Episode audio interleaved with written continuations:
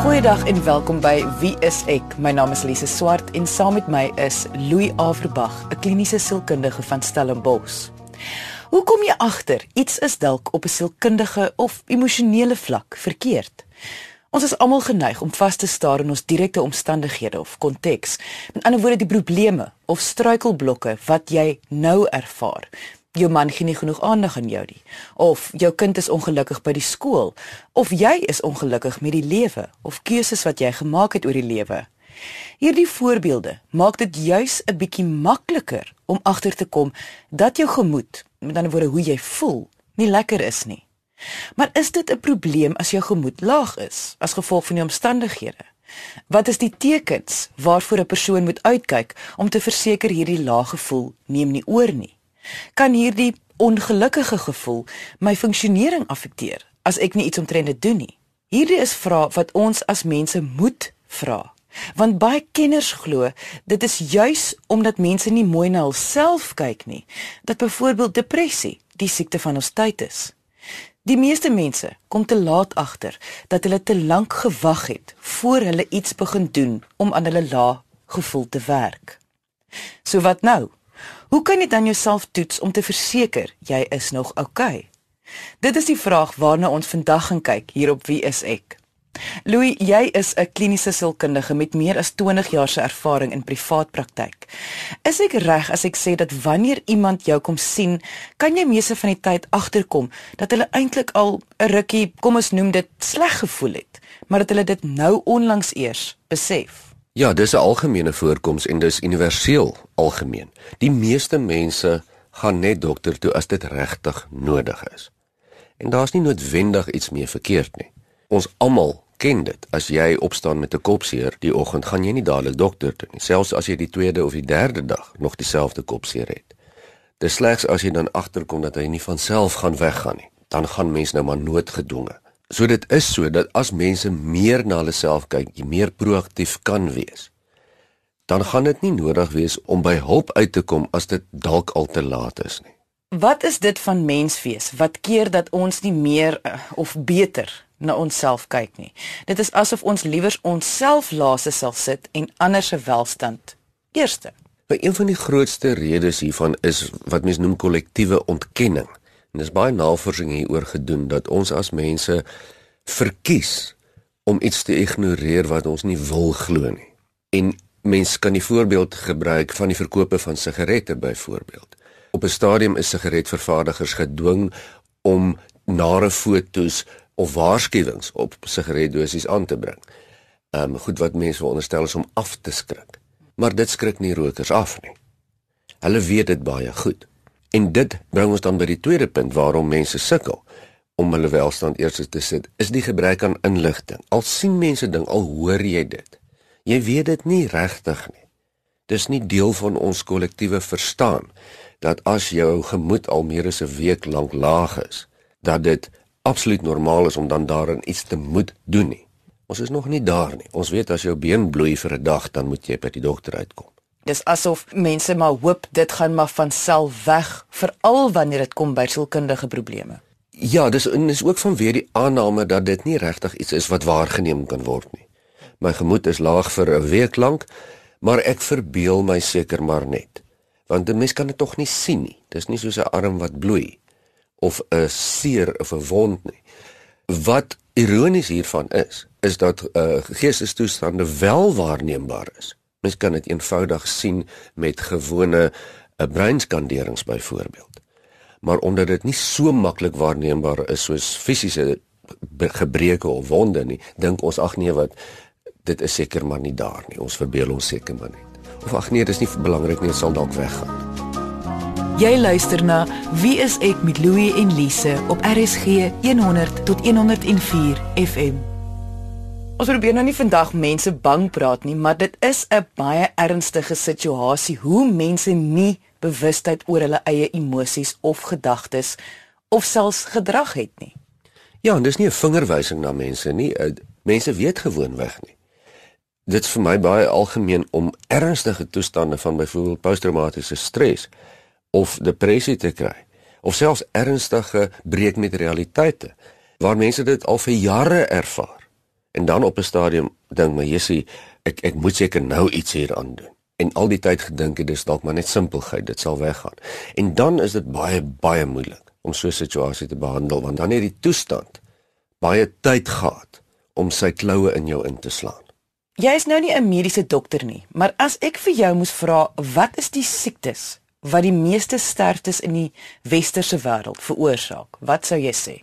Kyk, die navorsing wys vir ons dat die grootste oorsake van dood en ek praat nou hier van nie van onnatuurlike oorsake nie.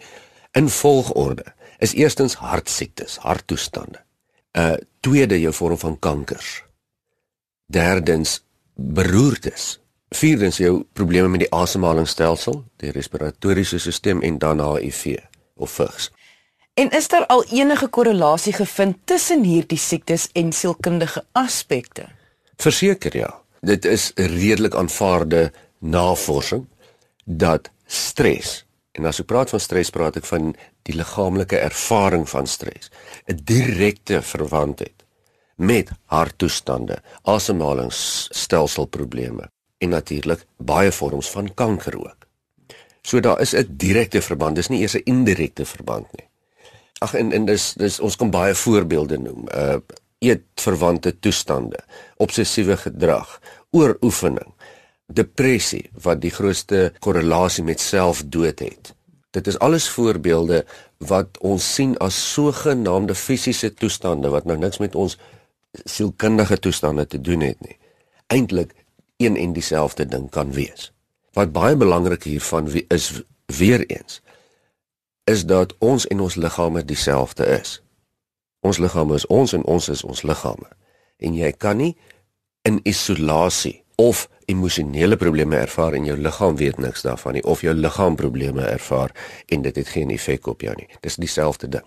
Wat my terugbring van een van my eerste vrae dat baie keer wanneer mense jou kom sien, het hulle al 'n hele ruk as hulle bewus daarvan dat hulle nie gelukkig is nie of iets is verkeerd wat ons nou hierso sê is dit is juis wat nie meer moet gebeur nie. Mense moet 'n baie sterker bewustheid hê van hulle self, nie net op 'n fisieke vlak nie. Ja, en dis noodgedwonge. Dit is nie gebore uit luxe uit nie. Dit is omdat ons agterkom dat ons eenvoudig sukkel om die lewe se eise te hanteer as ons dit nie doen nie. Dis soos mense wat weet as hulle nie gereeld oefen of gym toe gaan nie, maak nie saak hoe lekker dit vir hulle is of sleg dit vir hulle is nie, kan hulle nie effektief funksioneer byvoorbeeld by die werk nie.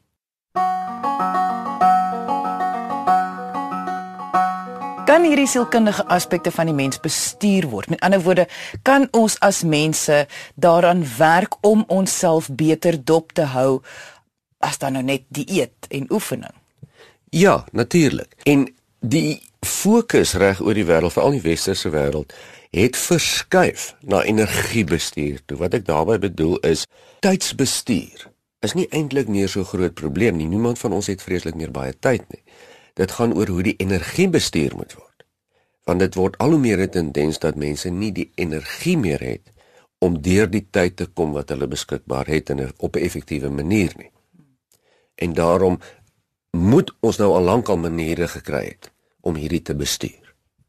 En net om 'n voorhand voor die aanliggende ding nou net uit te wys, baie sielkundige uh, probleme, toestande of selfs net uh, simptome kan energie verbruik en nogal baie energie verbruik. Ja, feitelik alle toestande, selfs al en en, en jy kan dit vergelyk met enige fisiese toestand, selfs al het jy 'n dowwe hoofpyn vir die hele dag weet jy hoeveel energie dit vat net om jou konsentrasie te hou om rondom die hoofpyn te werk. En as jy dit begin dadelik vererger, of dit nou fisies of sielkundig van aard is, dan moet jy al hoe meer energie verbruik. So kan jy net dink as daar aanhoudende stres is, dag in en dag uit, hoeveel dit van jou af moet vat om net om jouself regop te hou.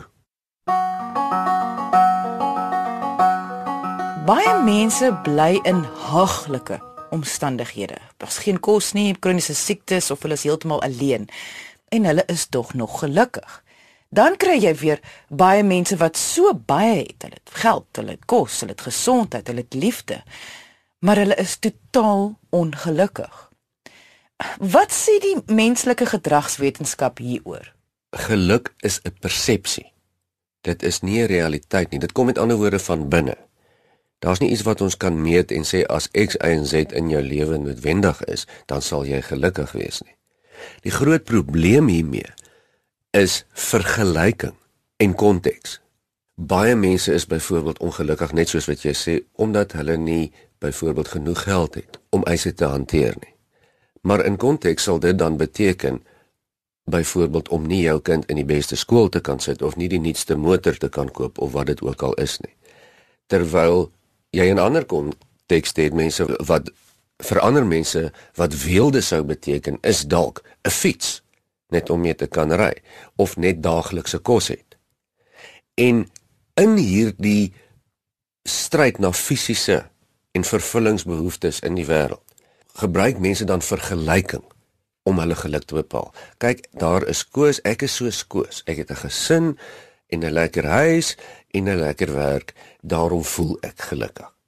So die redes wat mense vir hulle gee is totaal subjektief en dit hang van persoon tot persoon af. Ons gesels vandag oor die stressors van die lewe wat ons almal affekteer. Maar hoe ons selfs in 2017 ons nie daarin steur dat hulle ons op 'n sielkundige vlak so kan affekteer dat dit ons gesondheid beïnvloed nie. En glo my, dit is al oor en oor bewys dat daar 'n definitiewe korrelasie is tussen byvoorbeeld stres en siektes soos kanker, hoë bloeddruk ensovoorts. Louis, baie mense wat nou luister sal sê dat as ons maar net geweet het hoe moeilik hulle lewe is, en dat daar niks is wat hulle kan doen om beter te voel nie. Wat is jou antwoord daarop? Vanuit 'n menslike perspektief verstaan ek dit absoluut en voel ek ook baie so en daar's niemand wat nie so voel nie. Teoreties is dit eintlik nie regtig waar nie. Daar's altyd iets wat jy kan doen. Selfs al is jy fisies vasgevang hoe om jou gedagtes te rig. Jy kan dus regtig nie veel aan die omstandighede doen nie, dit weet ons al almal, maar jy kan werk aan jouself in die omstandighede. Daar's baie mense wat byvoorbeeld lewenslank in tronk opgesluit is. Wat gelukkig is. En iemand anders wat in dieselfde omstandighede is wat ongelukkig is. En die een het dan 'n manier gekry om geluk te vind binne die omstandighede en die ander een nie. Is daar 'n manier hoe iemand hulself kan toets om te sien of hulle nog oukei okay is? Want ongelukkig is dit nie so maklik soos 'n bloedtoets om te sien dat of iets verkeerd is of nie. Wel die maklikste manier wat ons sommer almal kan doen is om ons eie denke, ons eie gedrag en ons eie emosie te evalueer. Hoekom spesifiek daardie 3? Want dit is basies die drie bene waarop menslike funksionering staan in terme van ons menslike funksionering kan ons kyk na hoe ons dink, hoe ons optree en hoe ons emosies is, hoe ons voel. En en daardie drie aspekte wil mens sien soos 'n driebeenpot. 'n Driebeenpot het ten minste twee bene nodig om stewig te staan, anders val hy om. As dit dus met jou denke goed gaan, jy dink daaroor helder en jy kan nog opstaan en werk toe gaan, maak nie saak hoe sleg jou emosie is nie, dan funksioneer jy nog.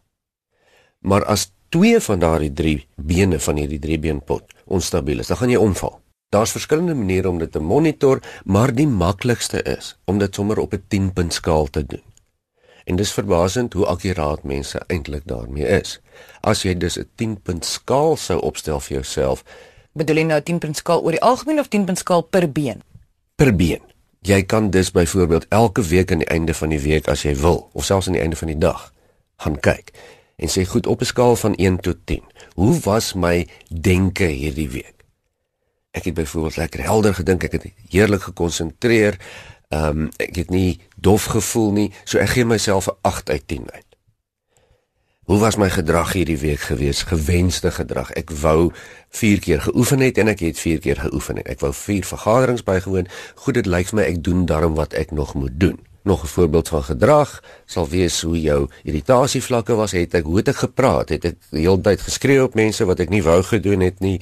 En jy kyk en merk dit vir jouself. So met jou emosies.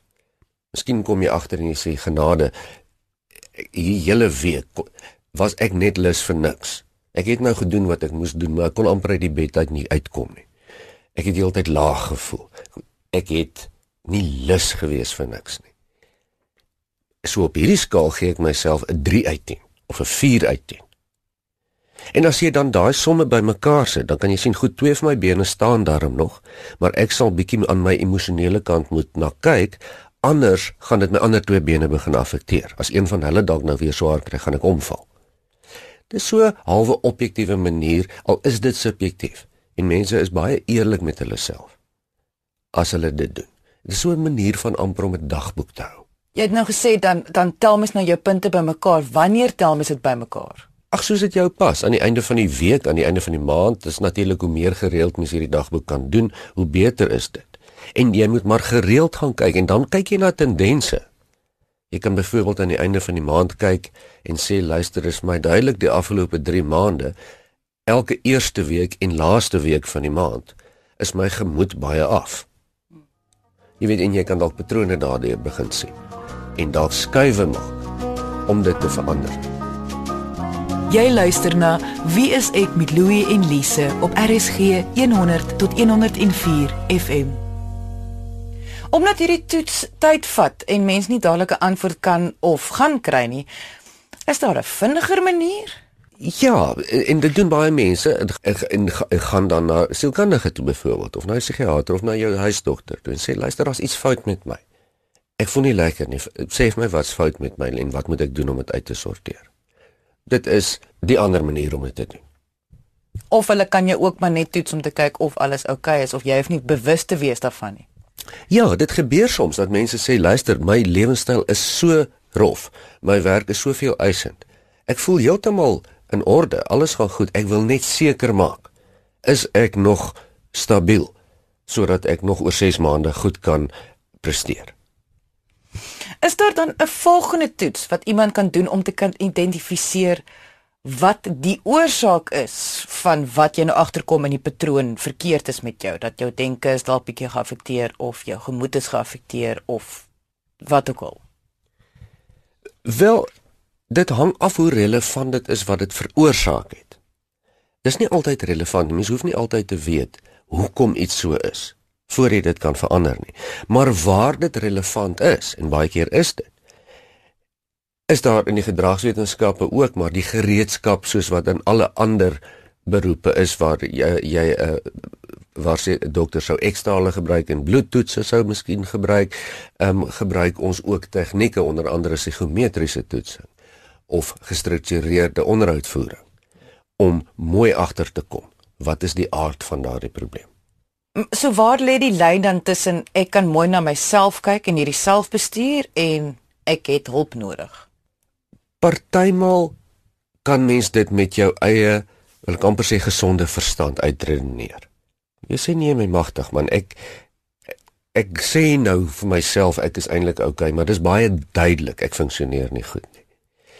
Maar meestal is dit 'n baie gevaarlike meetmiddel. Veral as mens een van jou bene van jou drieboon pot so te sê, onstabiel raak jou ge gedagtes dat jy nie goed kan fokus en konsentreer nie, dan is jou oordeel gewoonlik swak. En dan moet mens kyk na die terugvoer van buite af. As mens dan gaan sit en jy maak 'n opname en sê, "Goed, wat kry ek uit die areas van my lewe uit? My verhoudings, werk, verhoudings, miskien uh, in ander opsigte van die lewe, hoe tree die mense teenoor my op? Gee hulle vir my almal die boodskap dat hulle gelukkig is met my of vermy hulle my of wat is die boodskap wat ek kry? En glo vir my, as jy regtig begin sukkel om te funksioneer, sal jy terugvoer kry van mense wat of baie bekommerd is oor jou of baie ongelukkig is met jou. Ek wil weer terugkom na mense wat gelukkig is. Met ander woorde, twee van hulle bene toets konstant sterk. Daar is nie iets wat hulle oormatig pla nie. Beteken dit hulle is gevrywaar van enige sielkundige toestande? Dit is nou maar net hoe hulle aan mekaar gesit is. Kyk, verseker is sommige mense meer bestand teen die ontwikkeling van sielkundige toestande, net soos wat sekere mense meer bestand is teen die ontwikkeling van immuunsiektes. Hulle is fisies miskien net taaier. Maar niemand is so taai of so bestand dat jy net eenvoudig niks kan oorkom nie. Daar's geen mens wat nie fisies siek word nie. Daar's geen mens wat sielkundig 100% funksioneer alle tye nie. Dit is onmoontlik. So nee, om jou vraag eintlik in kort te beantwoord, niemand is gevrywaar nie. So sou jy sê selfs al voel jy goed, is dit nog altyd 'n goeie idee om nog steeds hierdie toets te doen en net te kyk vir patrone dalk oor 'n tydperk. Ja, en ek sê jy sê hoekom? Ons leef in 'n samelewing wat toenemend al hoe meer eise het. Ek praat van eise op ons hulpbronne, finansies, energie, uh tyd die emosionele druk wat toenemend meer gesit het met populasie wat vergroot, hulpbronne wat kleiner word. Die lewe so half 'n projek wat mens moet deurkom om te oorleef en jy wil graag so goed as moontlik oorleef. En jou en jy is die engine wat hierdie projek moet dryf. So as jou engine nie lekker gediens is nie en nie glad loop nie, dan kan jy maar weet hierdie pad gaan ergens vir jou met 'n pap wiel los en jy gaan sukkel. Omdat vandag se onderwerp iets is wat ek persoonlik glo almal van ons bewus moet raak oor, sal ek graag 'n beroep op almal wil doen om die potgooi van vandag se episode met jou vriende en geliefdes te deel, om bewus te wees van jouself en om ander te help om bewus te raak oor hul eie sielkundige samestellings. Dit kan iemand se lewe dalk direk of indirek red. Gaan na www.rsg.co.za, klik op potgooi, kies wie is ek van die lysie wat verskaf word en deel die skakel van vandag se potgooi met ander. Indien jy enige vrae het oor jouself of 'n geliefde en het ons advies nodig, kan jy ons via ons webwerf kontak. Dit is wie is ek eenwoord.co.za of deur ons Facebookblad onder wie is ek met Louie en Lise. Ons beantwoord almal se vrae, selfs al vat dit soms 'n dag of twee. Dankie dat jy vandag ingeskakel het. Ons maak weer so volgende Vrydag 12:30 net hier op RSG. Jy moet 'n heerlike naweek hê he, en onthou, Kyk mooi na jouself.